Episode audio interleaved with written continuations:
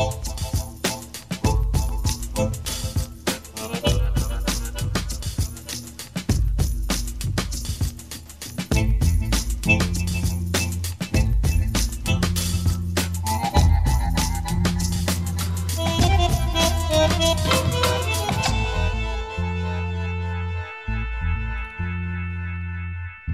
Ovaj dosije je podeljen u tri celine. Prvi e, deo dosije se bavi nastankom Srpske dobrovoljačke garde, njenom strukturom i delovanjem kroz saradnju sa drugim jedinicama. E, u drugom delu su predstavljeni dokazi o učešću garde u zločinima u Hrvatskoj i Bosni i Hercegovini, dok je poslednji deo dosijeja posvećen slanju prisilno mobilisanih izbeglica na front i raspuštenju Srpske dobrovoljačke garde.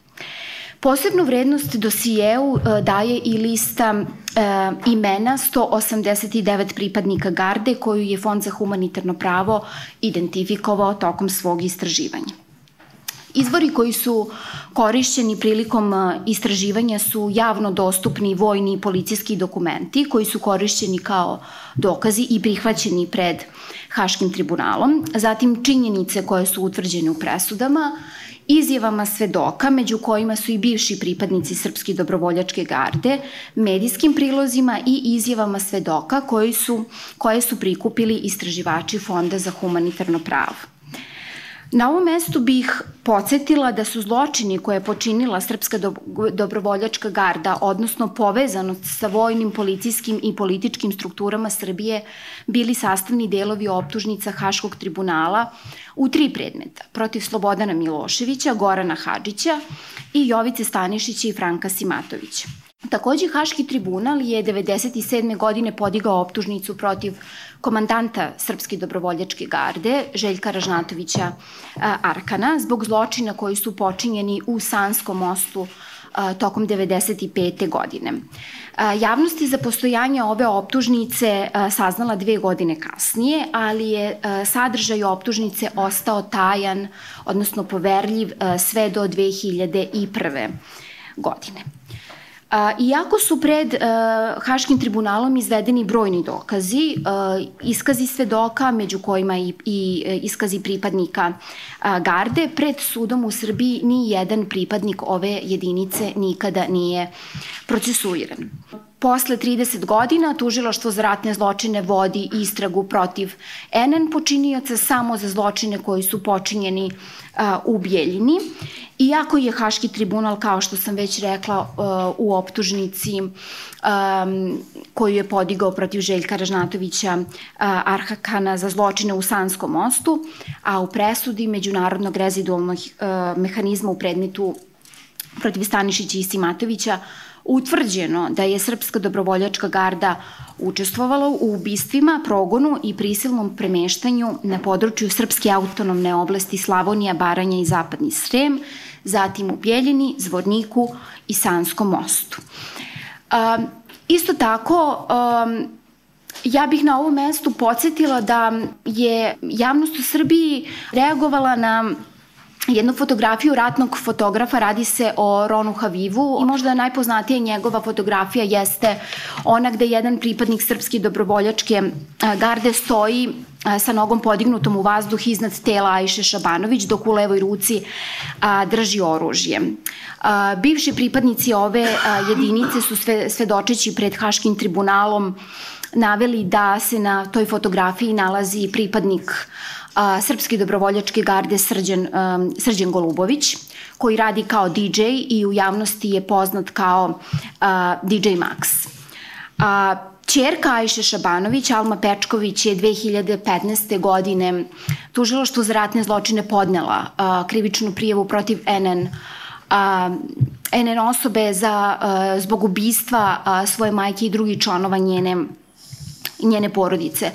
Um, Alma je zajedno sa advokatom fonda bila u tužiloštvu za ratne zločine, dala je iskaz, iskaz je takođe dao uh, i Ron Haviv, ali mi i dalje uh, tu nemamo optužnicu, već se istraga vodi protiv NN uh, lica, jako je od ovog zločina prošla 31 godina.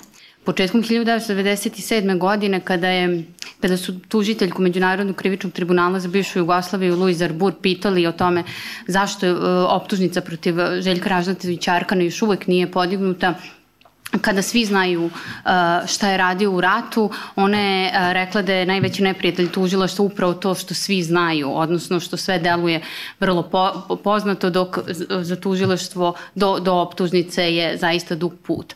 Ovaj dosije u tom smislu uh, pokušaj da razvoji to navodno opšte znanje o srpskoj dobrovoljačkoj gardi, o činjenica o njenom ratnom putu, kao i svedočenje i dokumenta koji ukazuju na odgovornost njenih pripadnika za počinjenje počinjene uh, zločine. Srpska dobrovoljačka garda, oružana formacija Željka Ražnatovića Arkana, osnovana je u oktobru 1990. godine. Brojala je oko 300 stalnih dobrovoljaca, a među kojima je bilo i žena. Većina dobrovoljaca je bilo iz Srbije, ali bilo i onih iz Hrvatske i Bosne i Hercegovine. Od njenog osnivanja do raspuštanja u martu 1996. godine kroz Srpsku dobrovoljačku gardu je prošlo između 4 i 5 hiljada dobrovoljaca. Nalazi ovog dosija pokazuje pokazuju da su pripadnici Srpske dobrovoljačke garde učestvovali u ubistvima, zarobljavanju, zatvaranju, maltretiranju, prisilnom raseljavanju e, civila, počevši od 1991. godine na području Istočne Slavonije i Baranje, potom 1992. E, godine u Bijeljeni i Zvorniku, Cazinskoj krajini 1994. i 1995. godine, e, kao i tokom operacije Trnovo, Treskavica i Banja Luka 1995. godine. Njihovo delovanje na svim ovim područjima je bilo praćeno pljačkom. Srpska dobrovoljačka garda je e, tokom rata sarađivala sa regularnim vojnim i policijskim formacijama, sa JNA, sa uh, Vojskom Republike Srpske, sa Srpskom vojskom krajine, sa MUP-ovima Republike Srpske krajine i Republike Srpske ili im je uh, za potrebe vojnih operacija bila predpočinjena. Ove regularne policijske i uh, vojne snage su zapravo bile upoznate sa nasilničkim ponašanjem uh, Srpske dobrovoljačke garde i o njima su, o njihovoj ulozi o ubistvima, zatvaranju, maltretiranju ubistvima civila su izveštavali u svojim dokumentima, ali izostalo uvek bi izostala adekvatna reakcija. Prilikom pristupanja Srpskoj dobrovoljačkoj gardi e, dobrovoljci su potpisivali ugovore na 3, 6 ili 12 meseci. Oni nisu e, imali redovnu e, platu, ali jesu bili plaćeni za učešće u vojnim akcijama. Tokom operacija Trnovo, Treskavica, Pauk i Banja Luka oni su se nalazili na platnim listama resora državne bezbednosti MUPA Republike Srbije. Srpska dobrovoljačka garda je dobijala oružje, municiju e, i e, drugu opremu od e, MUPA Srbije, Jugoslovenske narodne armije, Ministarstva, unutra, Ministarstva odbrane Srbije, kao i od različitih društvenih i privatnih preduzeća. Glavni štab Srpske dobrovoljačke garde se nalazi u Beogradu, u kući e, Željka Ražnatovića Arkana u Ljutice Bogdana, dok je e, glavna baza i e, centar za obuku dobrovoljaca od septembra 1991. godine smešten u Erdutu. Osim za obuku dobrovoljaca, ovaj centar je korišćen i kao zatočenički objekat za nesrpsko stanovništvo Baranje. U centru su zatočeni civili, premlaćivani i ubijani. U ovom dosijelu je dokumentovana eh, i dokumentovano ubistvo više od 15 eh, civila u centru za obuku u Erdutu ili njegovoj neposrednoj okolini, kao i ubistvo najmanje 38 pritvorenika koje su pripadnici Srpske dobrovoljačke garde izveli, uh, izvodili iz, u nekoliko navrata iz zatvora u Dalju, a i potom ih ubili, o čemu je zapravo pokrajinski sup Vojvodine imao saznanja. U proleće 1992. godine Srpska dobrovoljačka garda po prvi put odlazi u Bosnu.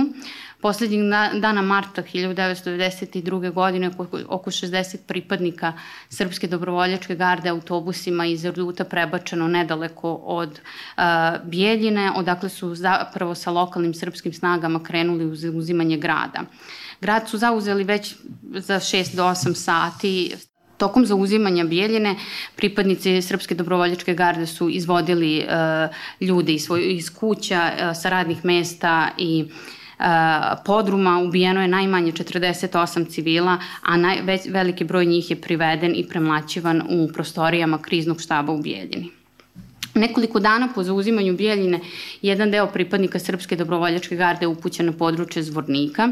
9. aprila 1992. godine grupa vojnika, među kojima su bili i pripadnici Srpske dobrovoljačke garde, izveli su najmanje 12 muškaraca iz podruma stambene zgrade u ulici Filipa Kljajića u, u u zvorniku i streljali ih ispred, ispred zgrade. Najmanje, e, više od, od 250 e, zapravo muškaraca je bilo e, tokom zauzimanja zvornika zatočeno u prostorijama fabrike Alfos u Karakaju gde ih je ispitivao oficir Srpske dobrovoljačke garde Marko Pejić. U periodu od marta do, do novembra 1994. godine Srpska dobrovoljačka garda ne učestvuje u oruženim sukobima. Naime, u drugoj polovini marta 1994. godine Centar za obuku dobrovoljaca u Erdutu preuzima MUP Republike Srpske krajine, a Srpska dobrovoljačka garda je privremeno tada raspuštena ponovno su, mobilis, ponovo su mobilisani u novembru 1994. godine, kada oko 70 pripadnika Srpske dobrovoljačke garde pod vojstvom Milorada Ulemeka a, biva upućeno, u, biva uključeno u operaciju PAUK, koja je okupljala snage Republike Srpske krajine, a, Republike Srpske, Srbije i snage Fikreta Abdića sa zadatkom za uzimanje velike kladuše i ponovnog uspostavljanja takozvane autonomne pokrajine Zapadna Bosna. A, tokom, tokom operacije PAUK pripadnici Srpske dobrovoljačke kao garde zatvarali su i zlostavljali a, nesrpske civile u više zatočeničkih objekata na prostoru Velike Kladuše, a, kao što su a, logor Ponikve, Nepeke i garaža u naselju Trnovi. Centar za obuku dobrovoljaca Srpske dobrovoljačke garde a, je ponovo uspostavljen 1995. godine i tada su u njega a, dovođeni i dovođeni izbeglice koje su pripadnici MUPA a, Republike Srbije mobilisali, prisilno mobilisali na na teritoriji Srbije i isporučili ih zapravo Srpskoj dobrovoljačkoj gardi. A, u junu, uh, krajem juna 1995. godine Srpska dobrovoljačka garda se vraća u Bosnu i tada oko 70 pripadnika Srpske dobrovoljačke garde pod komandom Dragana Petrovića zvano Kajman je upućena na Jahorinu, odakle su borci poslati na područje Trnova i učestvovali tamo u borbama. Fond za humanitarno pravo je utvrdio da je sredinom jula 1995. godine Dragan Petrović Kajman a, naredio jednoj, jednom prisilnom mobilisanom vozaču da preveze pripadnike Vojske Republike Srpske sa Jahorine a, do Bratunca. Narednih dana, dakle sredinom jula 1995. godine, u više navrata ovaj vozač je prevozio vojsku i zarobljene bošnjake na relaciji Bjelovac-Konjević polje, odnosno na području Bratunačke i Zvorničke opštine u vreme dok još traju egzekucije srebreničkih bošnjaka i potraga za njima. Putni nalog koji potvrđuje kretanje ovog vozača se nalazi među prilozima na kraju, kraju dosijeja, možete da vidite uh, datume. Uh, Srpska dobrovoljačka garda se odavde povlači krajem jula 1993. godine kada je uh, stacionirana u Erdutu i uh, veliki broj uh, prisilno mobilisanih, oko 5000 prisilno mobilisanih uh, izbeglice je prošlo kroz različite kampove uh, Srpske dobrovoljačke garde. Sredinom septembra 1995. godine Srpska dobrovoljačka garda odlazi na područje a, Sanskog mosta. Oko 300 dobrovoljaca je uključeno u ovu operaciju, među njima je jako veliki broj prisilno mobilisanih izbeglica. Na ovom području, znači na području Sanskog mosta, pripadnici Srpske dobrovoljačke garde su učestvovali u dva a, masovna zločina. 20. septembra 1995. godine ubili su 11 muškaraca u selu Trnova, a približno 21. septembra 1995. godine ubili su najmanje 65 lica, među kojima je bila a, i jedna žena koju su prethodno silovali u selu Sasina. Srpska dobrovoljačka garda je rasformirana u martu 1996. godine, kada i napušta centar za obuku u Erdutu. Viši oficiri, poput Milorada Uleme Kalegije i Nenada Bujoševića zvanog Rambo, pridružili su se jedinici za specijalne operacije resora državne bezbednosti Republike Srbije, a neki su na kratko proveli su na kratko vreme ostali u jedinici Škorpioni dok i ona nije rasformirana. Jedan broj pripadnika Srpske dobrovoljačke garde ostao je radno angažovan u različitim, na različitim poslovima Željka Ražnatovića Arkana. Oko 30 pripadnika Srpske dobrovoljačke garde je bilo uključeno u sukob na Kosovu kao deo jedinica resora državne bezbednosti MUPA Srbije. Trenutno uh, u Srbiji se vodi istraga samo za događaje iz Bijeljine. Za sve ove događaje koje sam ja ukratko pomenula, koji su dokumentovani u dosijeu, ne postoji uh, istraga i mi smo zaista ovde u, u dosjeu nastojali da ukažemo na taj veliki broj svedočenja među kojima su i svedočenja bivših pripadnika a, Srpske dobrovoljačke garde kao i, vojne, i na vojne i policijska dokumenta koji zaista ukazuju na odgovornost a, ove formacije i da podsjetimo na to da, da i pretresno veće u ponovljenom postupku Stanišiću i Simatoviću e, zaključilo da je Srpska dobrovoljačka garda učestvovala u ubistvima, prisilom raseljavanju i progonu o, na, na, i u Hrvatskoj i Bosni i Hercegovini, tako da, da je ovo zapravo poziv institucijama da pokrenu istragu i da, da se nešto ma, pomeri sa tačke u kojoj niko do dana današnjeg nije procesuiran za zločine. U Srbiji trenutno nema puno optužnica za ratne zločine, ne samo ovaj, što se tiče ovoga, nego uopšte, ne samo što se u odnosu na Srpsku dobrovoljačku gardu, nego mi generalno imamo ovaj, veoma mali broj optužnica za ratne zločine, radi se uglavnom o manjim incidentima sa manjim brojem žrtava, vrlo redko su to velike optužnice sa velikim brojem žrtava. Nemam adekvatan odgovor zašto do danas nije procesuiran ako imamo u vidu da je Haški tribunal podigao optužnicu protiv Željka Ražnatovića Arkana, a da tužiloštvo za ratne zločine sarađuje sa međunarodnim rezidualnim mehanizmom i da zapravo ima ima mehanizam da sarađuje sa njima i u vezi a, dokaznih predmeta na osnovu kojih, odnosno istrage na osnovu kojih je ta optužnica podignuta. A, ne vidim razlog zašto, zašto ne bi a, bili procesuirani ovaj, a, i pripadnici Srpske dobrovoljačke garde. To je i strategija tužilaštva za ratne zločine, što manji broj optužnica tokom, a, tokom godine i procesuiranje nekih manje zahtevnih predmeta dok neki a, a, veliki po, potencijalno veliki postupci kao što je bi bilo za Srpsku dobrovoljačku gardu, oni već godinama već godinama a, izostaju. A, mi a, ne možemo sada tačno da kažemo zbog čega baš Srpska dobrovoljačka garda kada a, je u javnosti toliko govoreno o tome kao što je Jovana rekla na početku, kako svi znaju da su oni pljačkali, ubijali, učestvovali u, uh, u raznim ratnim zločinima, a da uh, eto tužilaštvo za ratne zločine baš nema uh, ni jedan dokaz da podigne optužnicu protiv barem jednog njihovog, njihovog pripadnika.